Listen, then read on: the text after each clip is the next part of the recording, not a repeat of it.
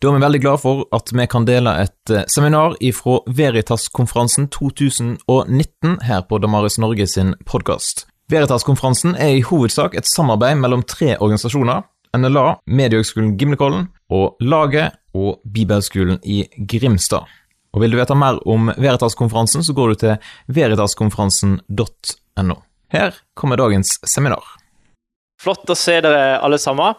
Eh, jeg er ikke så vant til å eh, prate med mikrofon med sånn himla lang eh, greie, så det er store sjanser for at jeg velter liksom hele driten her i løpet av den neste timen. Men vi skal satse på at det skal gå greit allikevel. Som det er blitt sagt, så heter jeg Jon Romel Hoversen. Jeg er rukket blitt 22 år gammel. Jeg studerer teologi på Ansgar teologiske høgskole og jobber litt i laget. Og så jobber jeg også litt for Damaris Norge, for de av dere som har hørt om det. Ehm, jeg har ikke vært kristen hele livet mitt. Jeg ble kristen når jeg var 15-16 år gammel, i, eh, ja, i, den tida der. Eh, så det er da ca. syv år siden. Ehm, jeg ble kristen gjennom å eh, møte en utrolig fin fyr på håndballaget mitt. Jeg fikk en ny venn gjennom håndballaget mitt som inviterte meg med på et ungdomsmøte i en pinsemenighet i Kristiansand.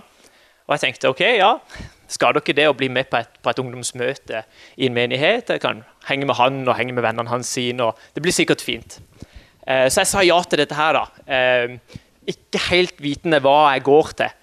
Eh, men så ble jeg med. Kom fredagen, møtte han utenfor, vi gikk sammen inn. Um, og Philadelphia Kristiansand, uh, for de som har vært der, på det bygget som var før, den var som en, en kinosal som ble liksom høyere og høyere på vei, på vei bakover. da. Så jo lenger bak du kommer, jo høyere opp blir du. Um, så vi satte oss helt bakerst, um, og så på en måte venta vi litt til møtet begynner. Og du kan se for deg at for en person som, uh, som aldri har uh, vært på, i, på, et ungdomsmøte før, som kanskje bare har vært i en dåp eller som kanskje har vært i en konfirmasjon, eller sånne type ting, som er rimelig kirkefremmed, så er det kanskje litt heavy å begynne i en pinsemenighet. Pinsemenigheter er jo kanskje kjent for å være litt mer karismatiske, litt mer liv enn det andre typer menigheter har. Så, eh, så det var med god grunn at jeg var litt sånn der, eh, hm, urolig for hva er det som kommer til å skje. Eh, men jeg husker at vi satt der på bakerste rad. At, og så, så, gikk det opp et, et lovsangsteam på scenen. Og, og, som begynte å, å, spille ikke sant? De begynte å spille lovsang.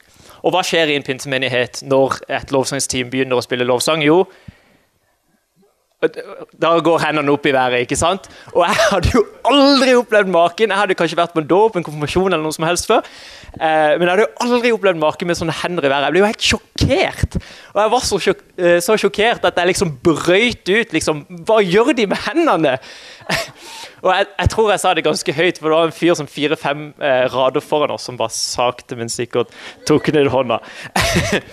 men uansett, det var mitt første møte med menighet. Eh, men det at jeg ble med i en uh, inkluderende gjeng i etterkant, gjorde at jeg kom fredagen etter og fredagen etter og fredagen etter der igjen, og ble en del av gjengen. Og til slutt så valgte jeg å bli en kristen.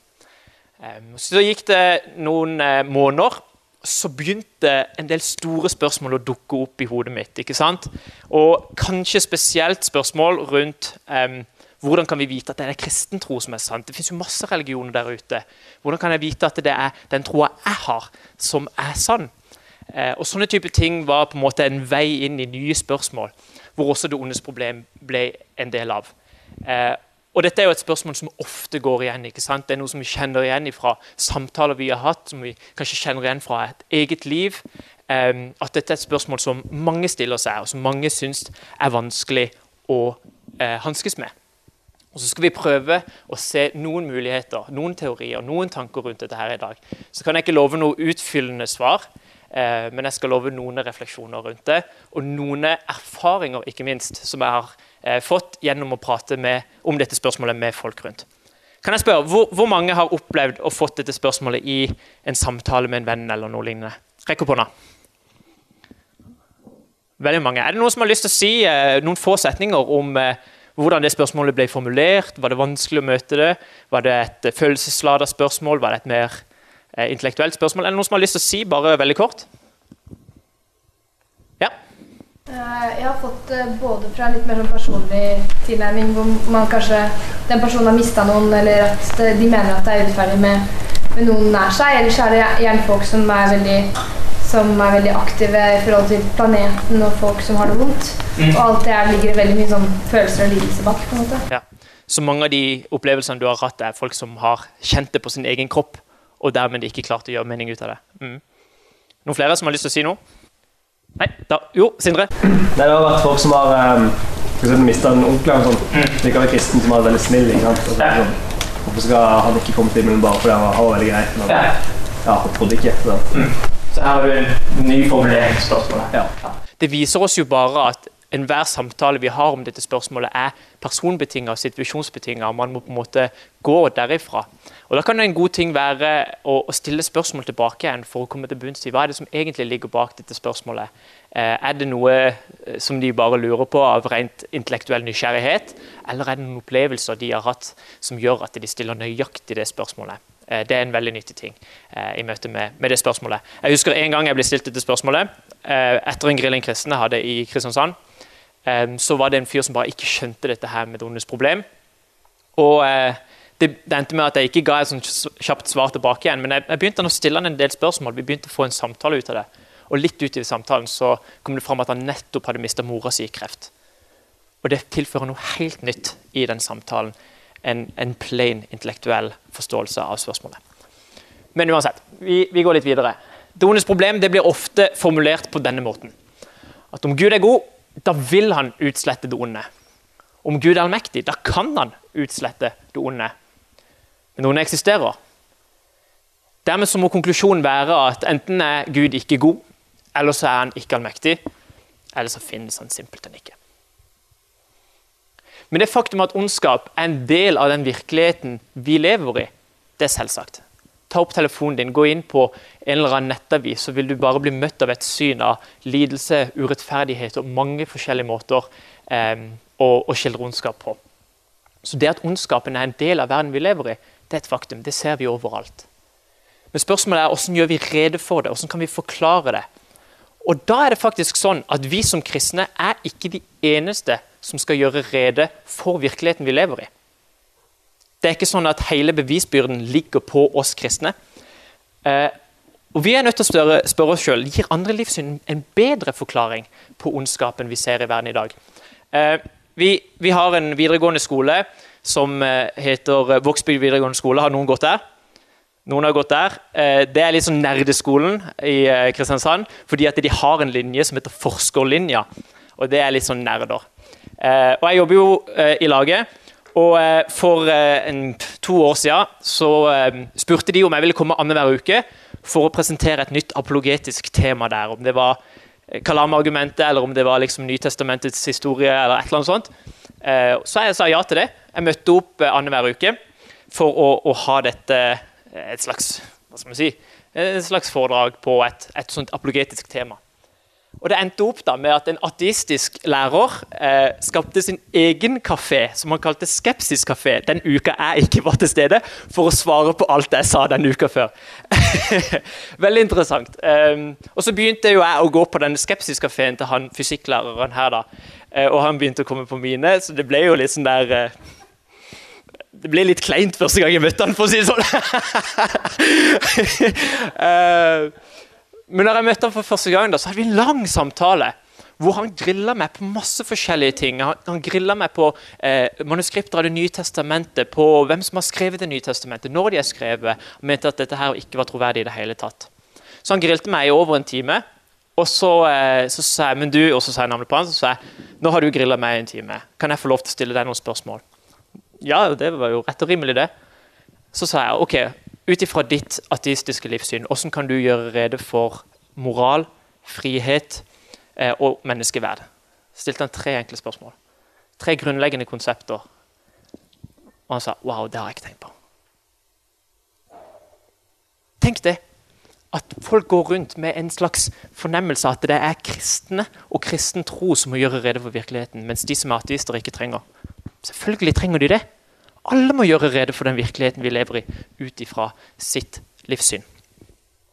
Og spørsmålet er, Hva sier ateistene om ondskap? Jo, det finnes en del som sier ganske mye. Er det noen som kjenner til han her? Richard Dawkins. Stjerneateisten, eh, som mange kaller han. Han sier om dette There is at bottom no design, no purpose, no evil, no good, nothing but blind, pitiless indifference. Det finnes i grunn ingen design, ingen mening, ingen ondskap, ingen godhet. Bare blind Åssen oversetter man pittelister?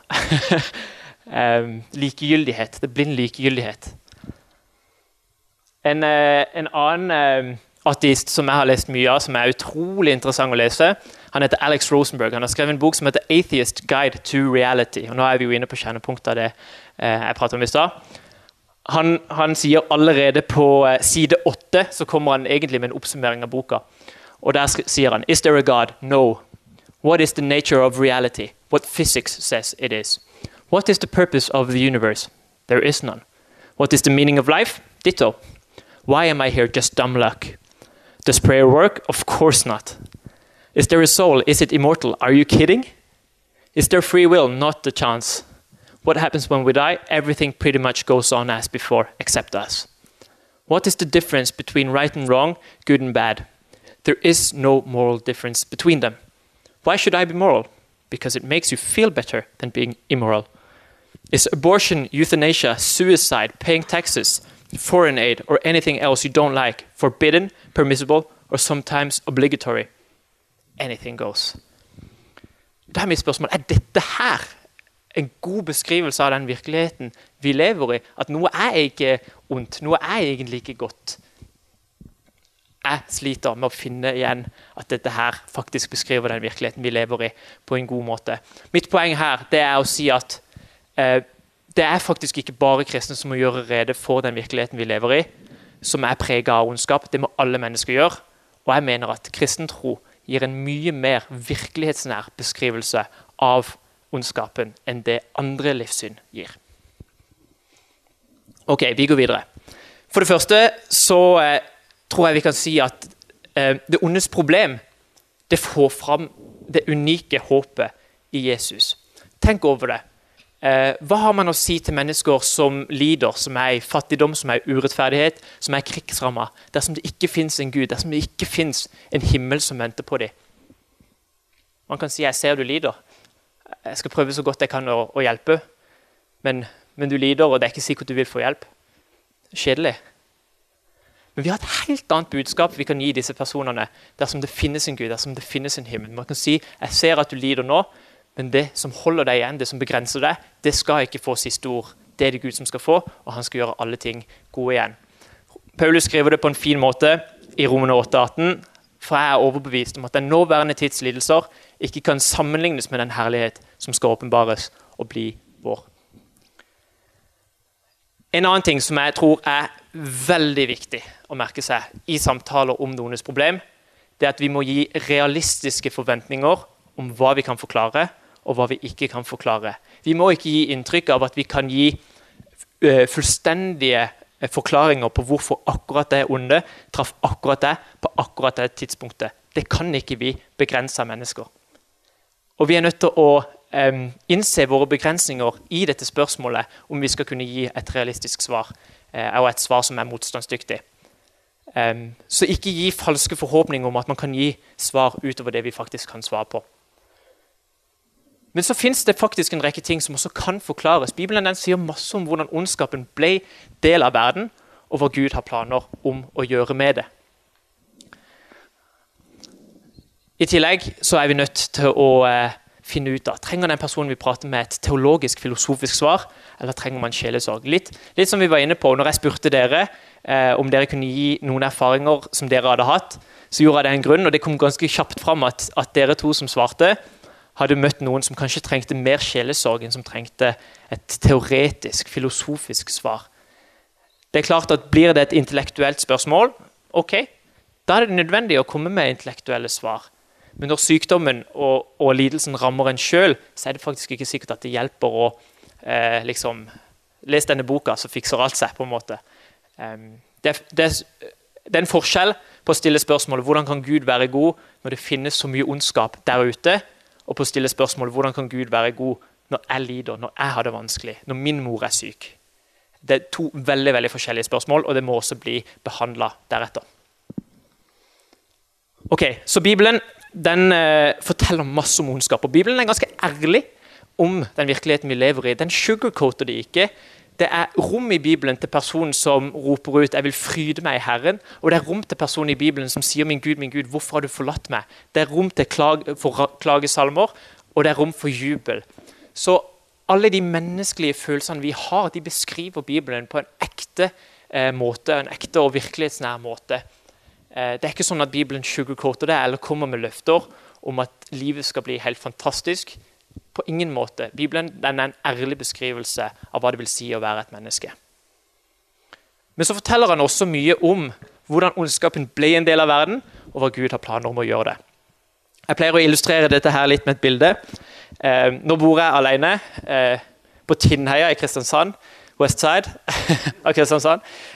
Livets sted på Tinnheia. Eh, men før det så bodde jeg hjemme først, før det så bodde jeg med noen kompiser, og før det så bodde jeg hjemme hos mine foreldre. Og Da skjedde det en gang at jeg var hjemme alene, eh, og så satt jeg på en film på Netflix. En helt normal film. Eh, sånn Aldersgrense tre eller syv, eller noe sånt. En harmløs film, liksom. Som har én skikkelig voldsscene i seg, hvor blod og gørr er bare liksom dominerende. Og Er det ikke typisk at liksom mamma og pappa kommer hjem akkurat idet den ene voldsscenen bare bryter ut, og man må bare Hva i all verden er det du ser på, liksom? ok, jeg opptrådte jeg bedre enn dette her.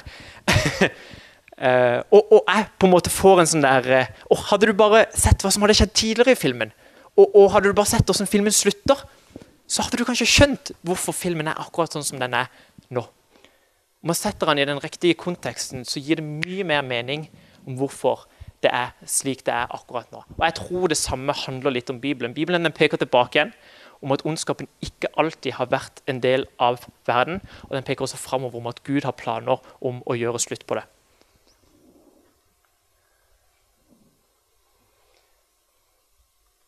Ok, Vi, vi skal gå tilbake igjen først. Vi går tilbake igjen i tid.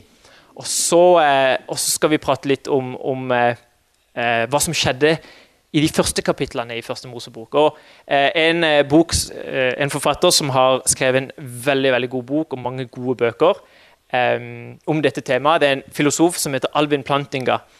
faktisk så hørte jeg en debatt mellom en som heter William Lane Craig, og en som som jeg har glemt navnet på akkurat nå, en ateist. Men han ateisten han begynner sitt innlegg med å si at jeg kunne ha tatt opp det ondes problem som en innvending mot kristen tro. Men etter å ha lest Alvin Plantinga, så kan jeg ikke gjøre det lenger. Så det sier jo litt da, om hvor mye måte, nedslagskraft han her fyren har hatt. Både i kristne miljøer, men også i ikke-kristne fagmiljøer, fagkretser. Og det han sier, da, det er at det onde motbeviser ikke Guds eksistens. I så fall må man bevise at Gud ikke har noen gode grunner for å tillate ondskap og lidelse. Og Da dukker jo neste spørsmål opp umiddelbart. Hva kan være Guds grunn for å tillate ondskap og lidelse. Og jeg tror at Skal man komme litt dypere inn på det spørsmålet, så må vi stille spørsmålet hva var det Gud ønska da han skapte mennesket? Hva var Guds motiv da han skapte oss mennesker? Leser man i Bibelen, så blir det tydelig for min del at, at Gud ønska et kjærlighet, kjærlighetsrelasjon med menneskene. Det var Guds motiv da han skapte oss. Han skapte oss for at vi kunne leve i en kjærlighetsrelasjon med Han.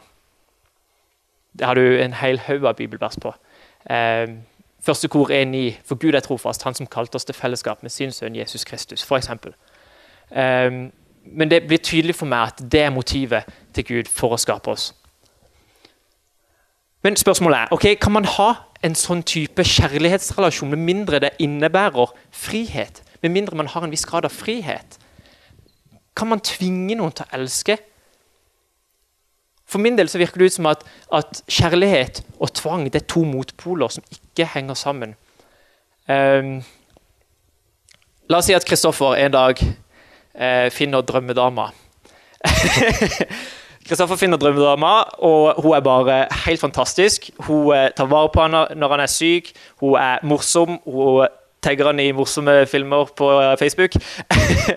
og hun er bare alt det Kristoffer noensinne har drømt om. Eh, og Så kommer Kristoffer til faren, og så sier han eh, du, pappa Nei, og så kommer faren til Kristoffer til Kristoffer. Så sier han nei, du, Kristoffer, åssen går, går, det med kjæresten? Og Kristoffer bare legger ut om hvor fantastisk hun her dama er. Og eh, legger ut om hvor utrolig flott hun er. At hun er Eh, mye mer enn det hun kunne drømt om og bedt om. Eh, og så sier faren ja, ja, men det bør hun være. For jeg betaler henne 10 000 i måneden for dette. her. Da merker man ganske kjapt at dette her handler ikke om autentisk kjærlighet. Dette her handler om tvang. Du ville ha fått et litt sånn kjip følelse i magen. Du ville det? du hadde ringt Jon Men uansett, poenget mitt er tydelig at, du kan ikke ha en ekte, autentisk kjærlighet som Gud ønsker for oss, uten at det innebærer en valgfrihet. Og en ekte valgfrihet den må kunne ha noe å velge, og den må, kunne noe, den må også kunne avvise. Sies Lewis, the main man, han sier en fri vilje er bare fri hvis det er mulighet for lidelse. For fri vilje kan velge å såre hverandre. Med andre ord, Skal denne her fri viljen være en autentisk fri vilje, så må det være noe å velge, og det må være en negasjon, et alternativ til det man kan velge. Gud kan ikke si ok, nå har du frivillig, du kan velge mellom meg og meg. Nei, det må finnes noe motsatt. Og Det er det vi leser om i de første kapitlene i første Mosebok. Det er at mennesket det har ikke valgt Gud, det har valgt bort Gud. Det har gått sine egne veier, og gjennom det så har ondskapen blitt en del av verden. Og, og Det er litt interessant å se at det finnes noe i mennesket som ønsker å sette seg sjøl foran andre, som er egoistiske, som ser til seg sjøl først. Og at det er faktisk noe av det man kan spore mye av urettferdigheten og krigen i verden til i dag. At det finnes mennesker som har eh, noe i seg som ønsker å sette seg sjøl først. Eh, Jesus prater om det i Markus 9.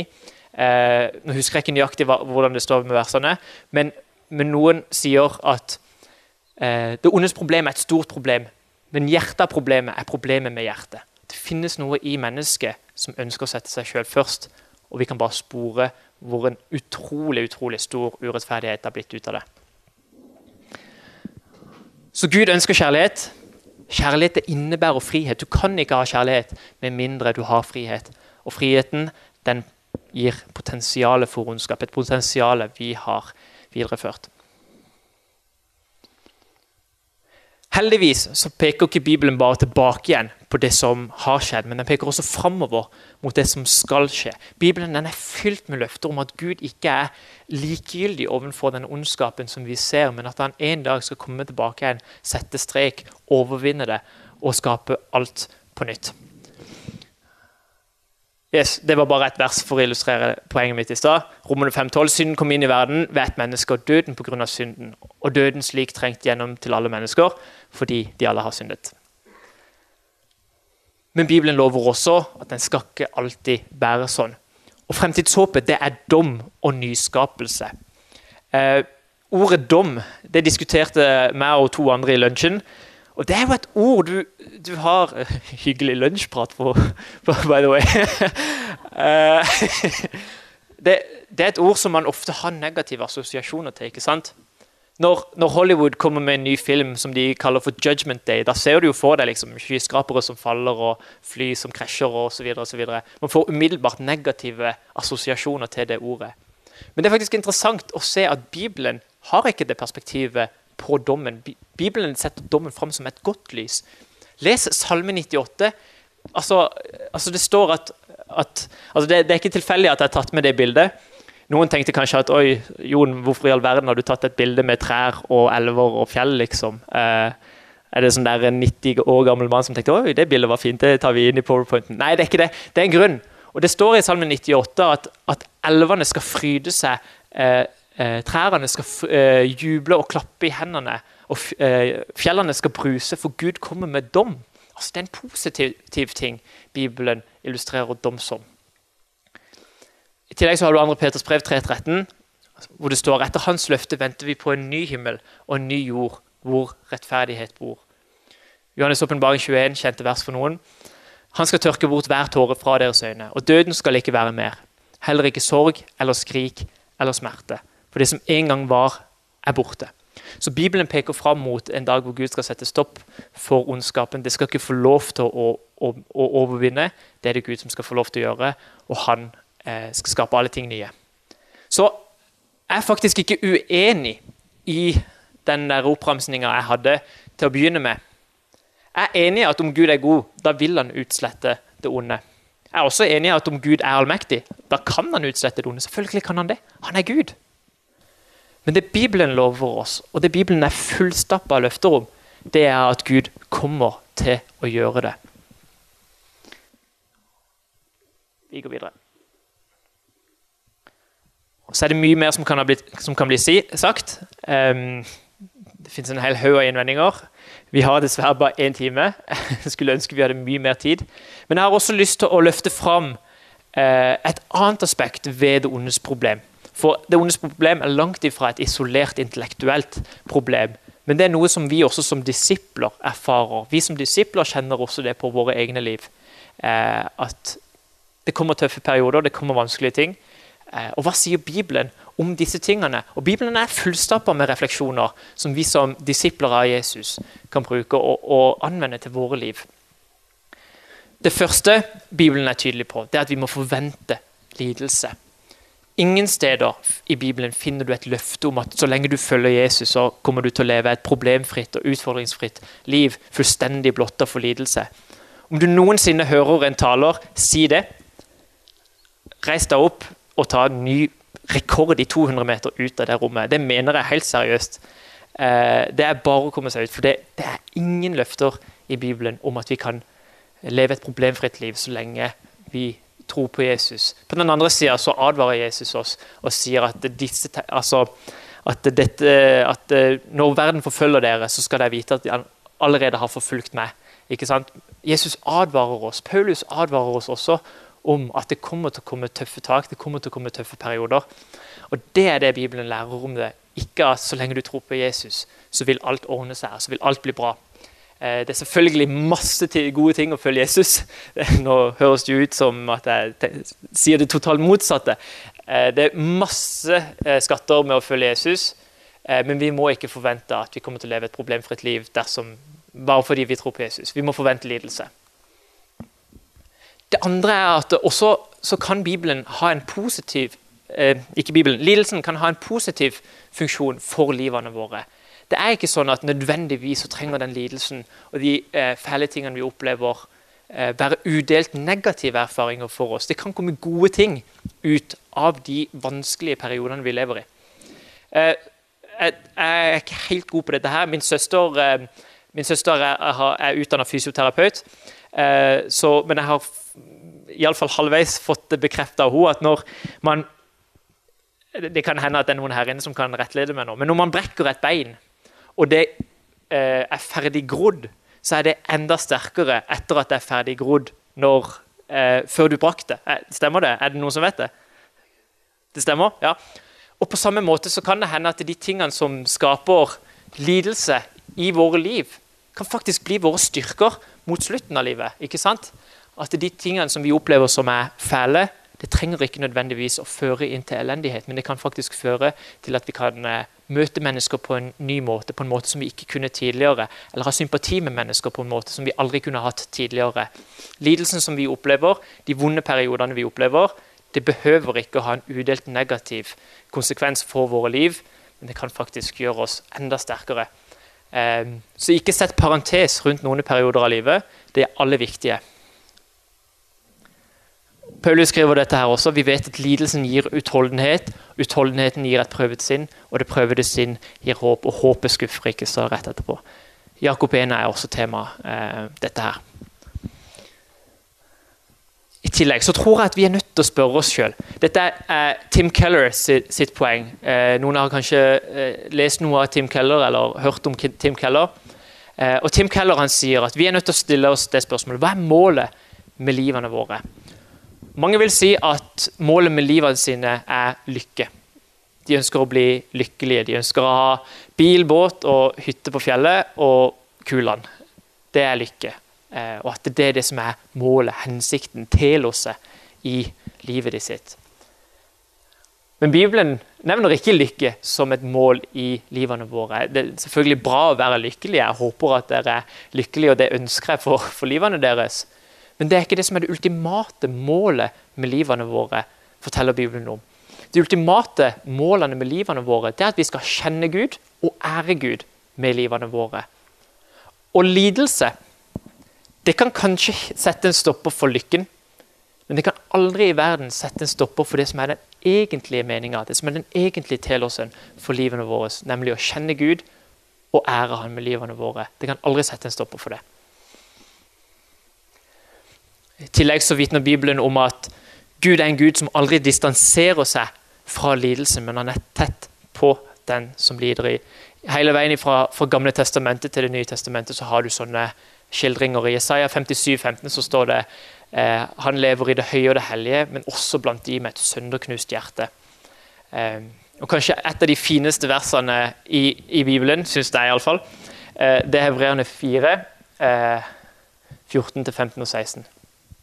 Og der står det, For vi har ikke en øverste prest som ikke kan lide med oss i vår svakhet, men en som er prøvet i alt, på samme måte som vi, men uten synd. La oss derfor med frimodighet tre fram for nådens trone, så vi kan finne barmhjertighet og finne nåde som gir hjelp i rette tid.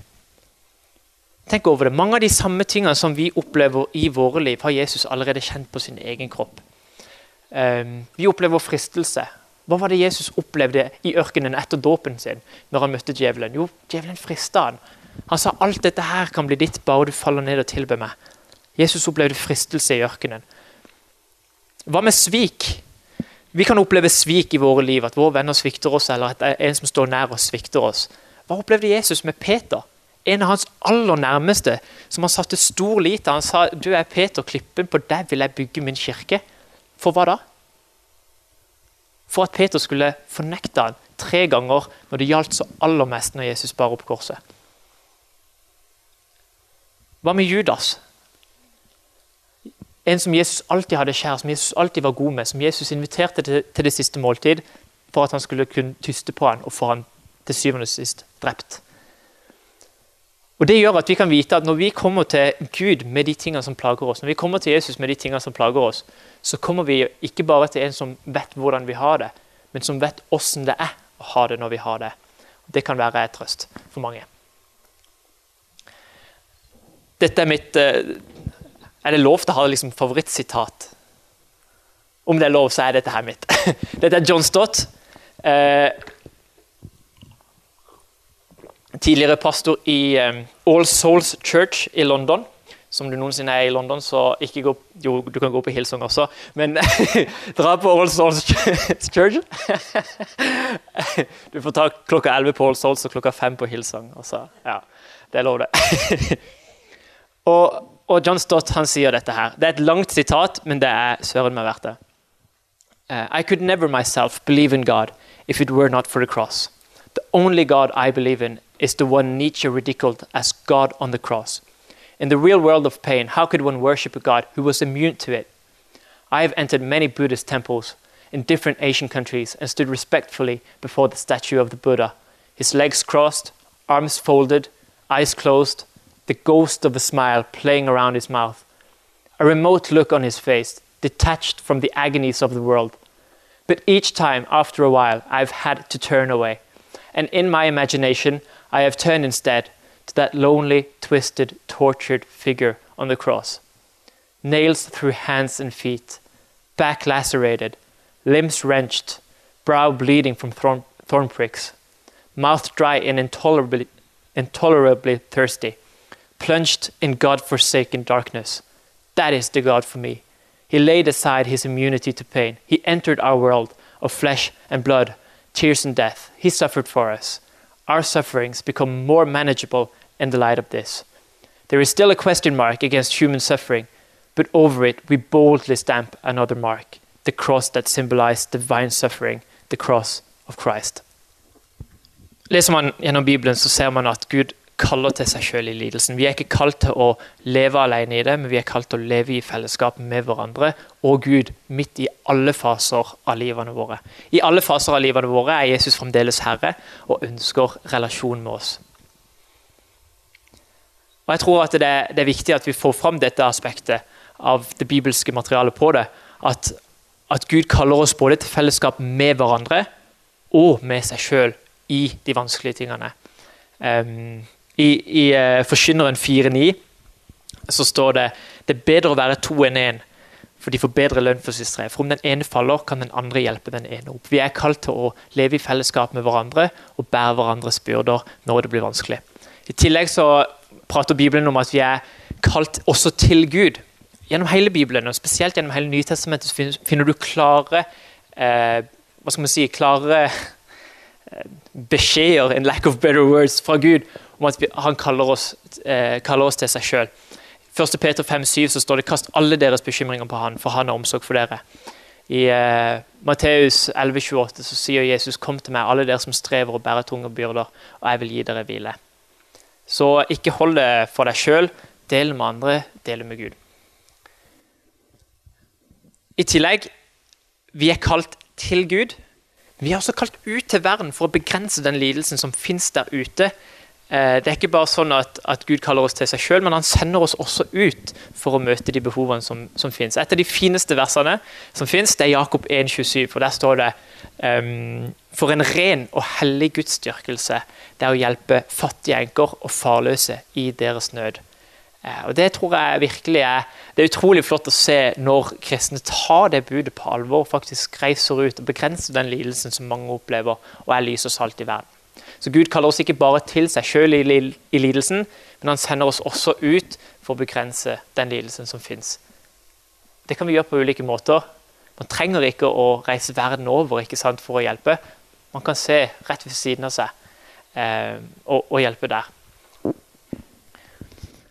Ok, jeg skal eh, snart gå inn eh, for landing, som alle følte jeg meg skikkelig pinsevenn her. Alle pinse, pinsefolk de taler, så er det Jeg går inn for landing når de er i ferd med å slutte. Jeg, tror, jeg, kan ikke huske sist søndag jeg ikke hørte det. Jeg går i pinsemenighet, skjønner du. det.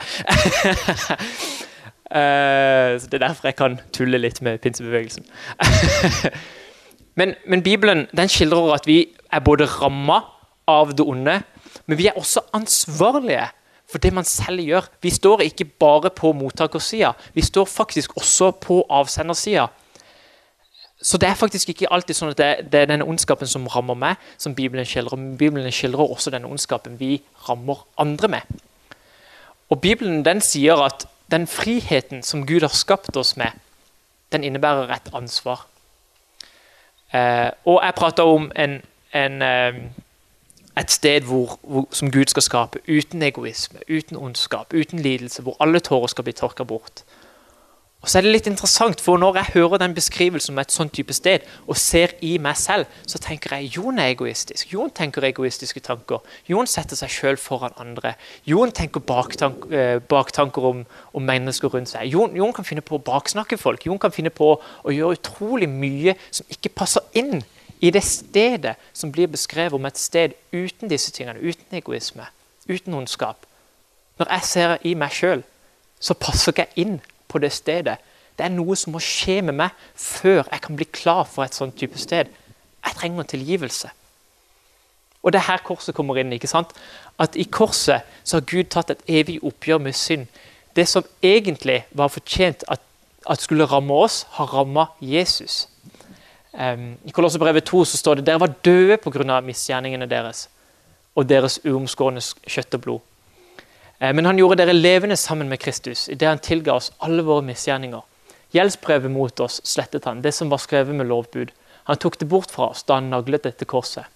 I Fesen 1 står det i ham har vi friheten, kjøpt hans blod, tilgivelse for syndene, så rik er Guds nåde. Så Gud han har gjort noe i historia som allerede peker fram mot det som vi skal se en dag.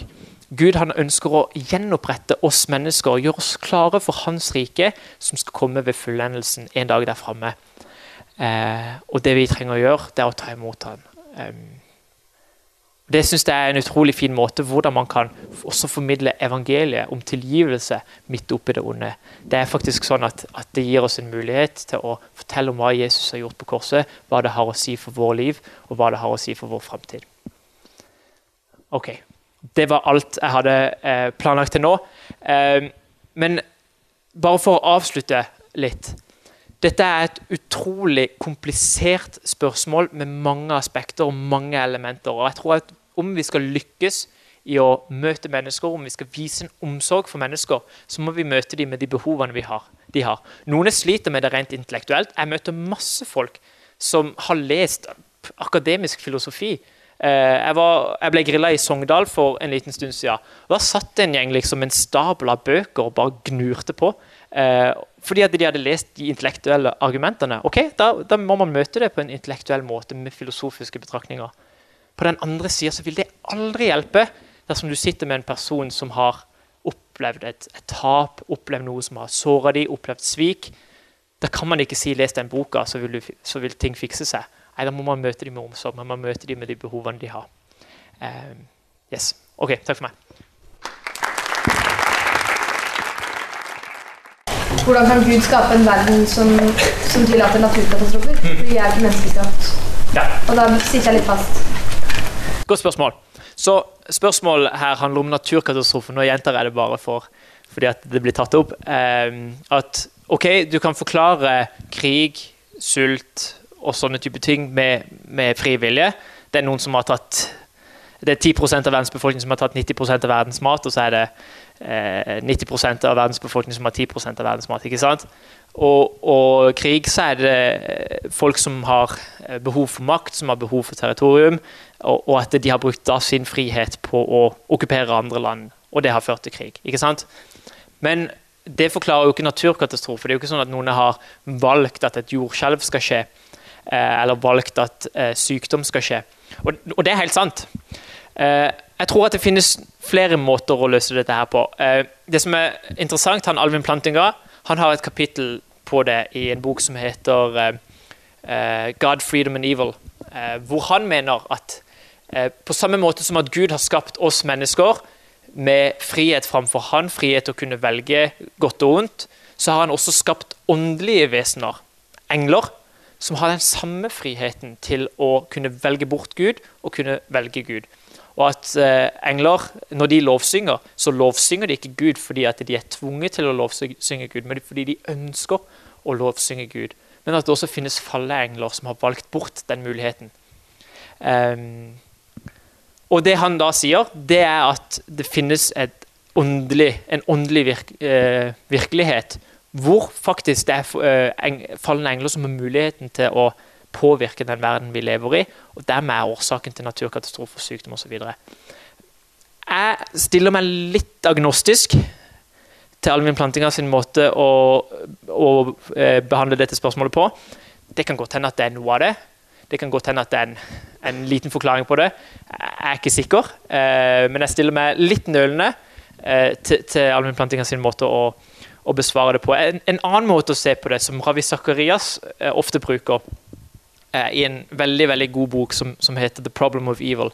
Eh, les den om dere har lyst til å lese om, om det ondes problem. Eh, det han sier, det er han går ut fra Romerne 8.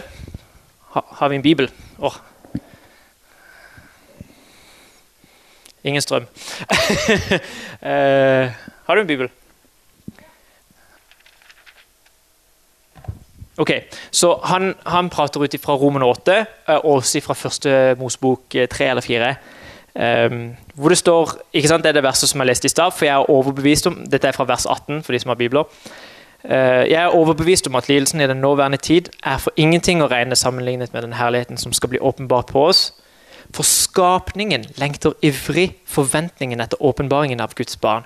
Skapningen ble underlagt forgjengelighet, ikke frivillig, men pga. ham som la den under forgjengeligheten, men med håp. For skapningen selv skal bli fridd ut fra forgjengelighetens trelldom og ført inn i herlighetens frihet, den som tilhører Guds barn. Så det eh, Ravi Zakarias sitt poeng er, det er at synden, den er alvorlig.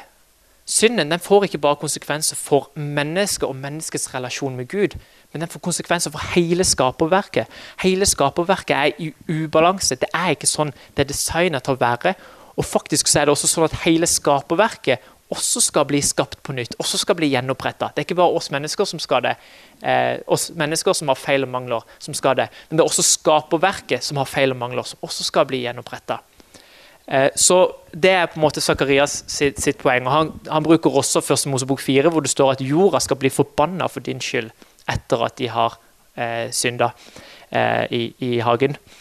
Eh, så det virker ut at Bibelen sier både i Det gamle og Nye testamentet at syndefallet fikk konsekvenser for mennesket, men også for hele skaperverket. Eh, så her har du to ulike teorier. Jeg lener mer mot Ravi Zakarias enn Alvin Plantinga, men kan godt hende at Alvin Plantinga har noe fornuftig å si også. Det, det har han, men eh, noe fornuftig å si om dette også. Yes, Er det noen eh, flere betraktninger? Om det er noen som har lyst til å dele liksom, noen refleksjoner, noen tanker de har gjort, så gjør det, liksom. Kjør på.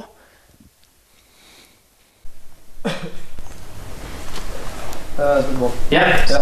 Uh, litt på hvordan, um, hvordan Gud behandler på en måte uh, folk som synder som ikke vet at de synder. For eksempel uh, en, en stamme da, kan si, i sånne her, Afrika som, som gjør noe som, du synder, som er synd. F.eks. at de eh, ofrer guttebabyer etter at de ikke vet at det er, på en måte, er synd.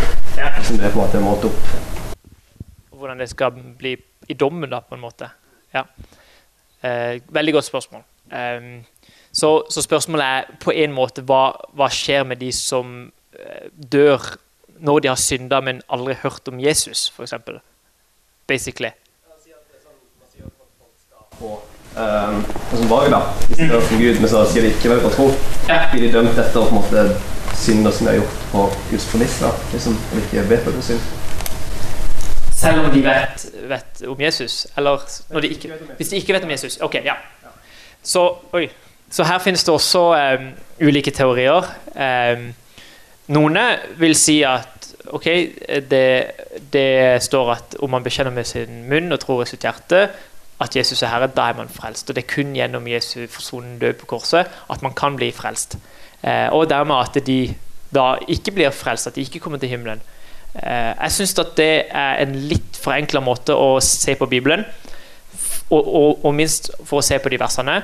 Eh, bare for å gjøre meg tydelig fra begynnelsen av, jeg, jeg, tror absolutt at det er kun Jesus som kan frelse. Uh, det fins ingen andre navn gitt under himmelen hvor, hvor, mennesker kan finne frelse enn Jesus Kristus. Um, men det Romerne 10,9 forteller oss, det er jo bare en um, Det er ikke en nødvendig årsak til frelse, men det er en tilstrekkelig årsak til frelse. At det er sant at om du bekjenner med din munn og tror i ditt hjerte at Jesus er Herre, så blir du frelst. Det er sant. Men Abraham gjorde ikke det. Abraham eh, bekjente aldri med sin munn eller trodde i sitt hjerte at Jesus er Herre. Men det står fremdeles i Galaterne 3 at Gud regnet ham til rettferdighet. Han ble frelst. Så for min del så virker det ut som at de versene de får fram en tilstrekkelig årsak til frelse, men ikke nødvendigvis en nødvendig årsak til frelse. At det faktisk er mulig å komme til himmelen utenom det. Hvordan Gud dømmer folk som aldri har hørt om Jesus, selv om de er syndere Bibelen sier at alle er syndere. Det tør ikke jeg å svare på. Når Bibelen sier eh, eh, 'ikke døm', så er det egentlig ikke først og fremst handler om at man ikke skal liksom dømme andre måter å leve på, eller sånne type ting. Ikke så veldig fint, det heller. Men det Bibelen egentlig mener med det, det er du skal ikke dømme noen til fortapelse eller til herlighet. Eh, så jeg vil ikke på en måte jeg vil, jeg vil, ikke gjøre det, rett og slett. Jeg vil ikke si at ok, alle de som aldri har hørt om Jesus, kommer til himmelen, eller alle de som aldri har hørt om Jesus, går fortapt. Fordi jeg sitter ikke i den komiteen, jeg er ikke den som, som bestemmer det. Men det jeg leser i Bibelen, da, fra første Mosebok til Johannes' åpenbaring, det er at Gud dømmer rettferdig. Er det noe vi kan ha tillit til, så er det at Gud i sin dom er rettferdig, og at det finnes ingen innvendinger mot Guds dom på dommens dag som ikke vil bli ført til skamme. Så det korte svaret på spørsmålet er jeg ser ingen automatikk i at de går fortapt. Jeg ser ingen automatikk i at de blir frelst. Men jeg tror at vi kan ha tillit til at når Gud dømmer oss, så dømmer han rettferdig. Um, og at uh, ja, det er kun Jesus som frelser. Men du har eksempler på folk som har blitt frelst uten å ha sagt at Jesus er Herre. Har du litt kommentar på det? Ja. Det er jo ikke fullstendig svar, men det står fast i Bibelen at de som ikke kjenner til Gud, ikke skal bli dømt like hardt som de som gjør det. Okay. Så det jo litt inn på det med rettferdighet. Mm. Det er jo ikke et fullstendig svar. Viser at han, han tar det i betraktning. Ja, Gud kjenner alle ting. Om, om det er noen som uh, har de, de, beste forutsetningene for å kunne dømme rettferdig, så er det Gud. da. Mm. Yes. Men betyr det at Eller det går jo kanskje litt imot misjonsbefalingen. fordi hvis ingen hadde hørt om Gud, så hadde på en måte alle fått en lettere blitt dømt på en lettere måte. da. Eller ingen hadde hørt om Jesus. Mm. Og tenker man da at de som har hørt om Jesus, men som ikke klarer å tro at de automatisk har en billett til helvete? på en måte? Så eh, på, på samme måte som at ingen sier at det finnes et automatikk i at alle de som eh, aldri har hørt om Jesus, ikke går fortapt, så tror jeg heller ikke at det finnes noen automatikk i at alle de som ikke har hørt om Jesus, kommer til himmelen. Eh, så jeg tror at vi fremdeles må ta misjonsbefalinga på alvor og dele evangeliet om Jesus til alle folkeslag, sånn at de kan høre om det frelsende budskapet om Jesus. Eh, poenget mitt er at dersom vi ikke gjør det, eh, dersom vi ikke når ut til alle mennesker, så, så, så ser jeg ikke grunn, det bibelske grunnlaget for å si at ok, da er alt håp ute Fordi, ettersom at Gud dømmer rettferdig. Jeg sliter med å forstå at det er rettferdig å dømme noe ut ifra en reaksjon på en person de aldri har hørt om. Eh, hvordan kan Gud dømme noen ut ifra deres reaksjon på Jesus når de aldri har hørt navnet Jesus før? Eh, det sliter jeg med å gå i hop. Men som sagt, jeg, jeg, jeg, tør ikke å si liksom, ting med to streker under svaret her. Eh, fordi at Guds dom er til syvende og sist Guds dom, det er ikke vår dom. Eh, og, og jeg, jeg, tror at først og fremst det vi må etablere, det er at vi kan ha tillit til at Gud er rettferdig i sin dom. Eh, og det vitner Bibelen om fra første til siste side. Når det er snakk om det ondes problem, så er det veldig ofte fokus på, på lidelse her og nå. Eh, ikke sant? Sult, katastrofer, sykdom mm. eh, og ulykker og sånn. Men eh, i forbindelse med helvete så kan man også si liksom, hvordan er Gud god hvis mesteparten av altså over fem milliarder mennesker mm. måtte, ikke kommer til himmelen, mm. men kommer til helvete i all evighet liksom videre ja. Hvordan er det godt? Altså Jeg skjønner at det er dømmer rettferdig og sånn, men mm. er det liksom Er det godt? Uh, spørsmålet her handler om helvete. Hvordan kan det være godt at Gud dømmer noen til en evig fortapelse, en evig straff? da? Det, det, er riktig gjengitt. Nå, nå, har det seg sånn at eh, jeg, i dette spørsmålet om helvete så har du en rekke ulike teorier om hva det innebærer å tro på et helvete. Og mange av de forestillingene vi har om helvete, det er farga av det vi har sett i populærkulturen, det vi har sett i filmer, det vi har sett i tegneserier. Og Mye av det også bygger på Dantes Inferno, ikke sant, som ble skrevet på 1300-tallet, eller når det var. Eh, om denne her eh, høygaflen som du ser, ikke sant. Eh, og ild og osv. osv. Eh, men så finnes det nå ulike teorier om hva det vil si å tro på et helvete. Det er det gjort gjennom store deler av kirkehistoria. Og noen av de tror på eh, evig pinne, mens noen tror på det som ofte kalles for annihilasjonsteorien. Eh, og jeg tilhører den siste kategorien, som tror på en annihilasjonsteori. Så det jeg egentlig tror da, om de som går fortapt, det er at de opphører å eksistere. De slutter å eksistere. Og Grunnen til det, det er at jeg ser i Bibelen at det virker ut som at um, at når uh, altså Språket som er med på å beskrive skjebnen til de som går fortapt, har ofte et final eller sånn terminal uh, måte å beskrive det på. altså at Det har et endelig måte å beskrive det på.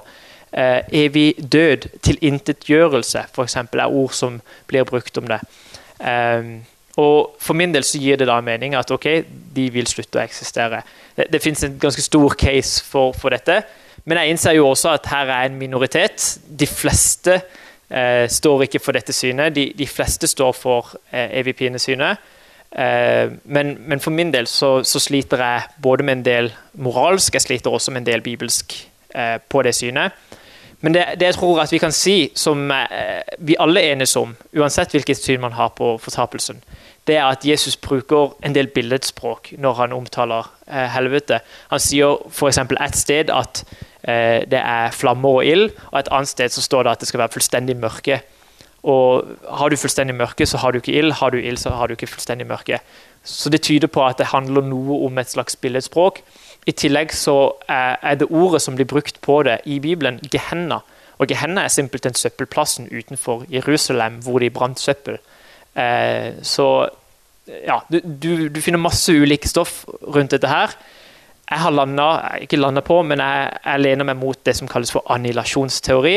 Eh, og eh, jeg, jeg, vet ikke om jeg skal forsvare den andre teorien som jeg ikke tror på.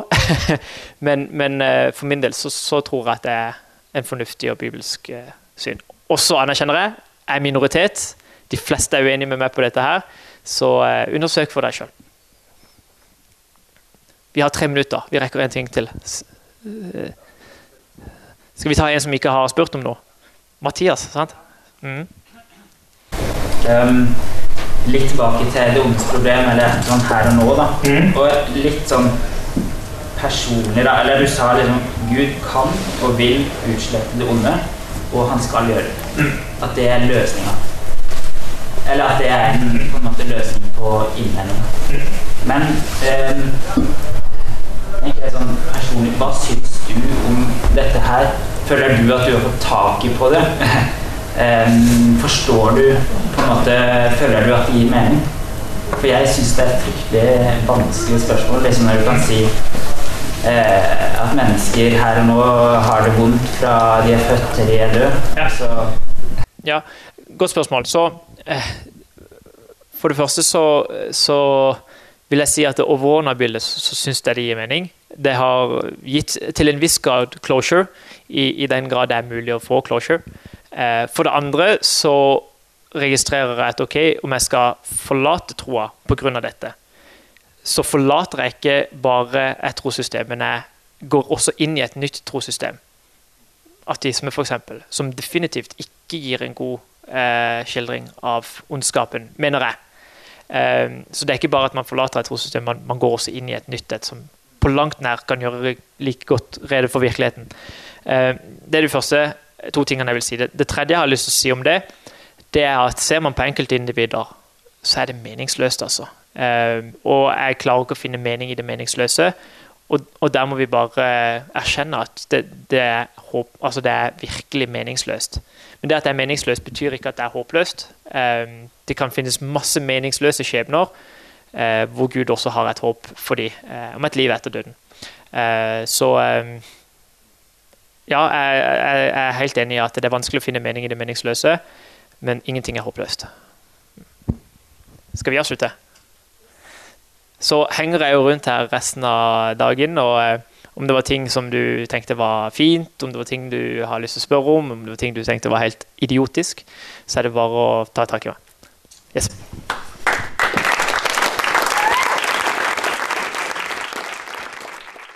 Takk for at du lytter gjennom dette seminaret her. Og Skulle du ønske at flere fikk med seg det gode innholdet, ja, da kan du jo faktisk dele seminaret med noen, eller tipse dem om seminaret i sosiale medier.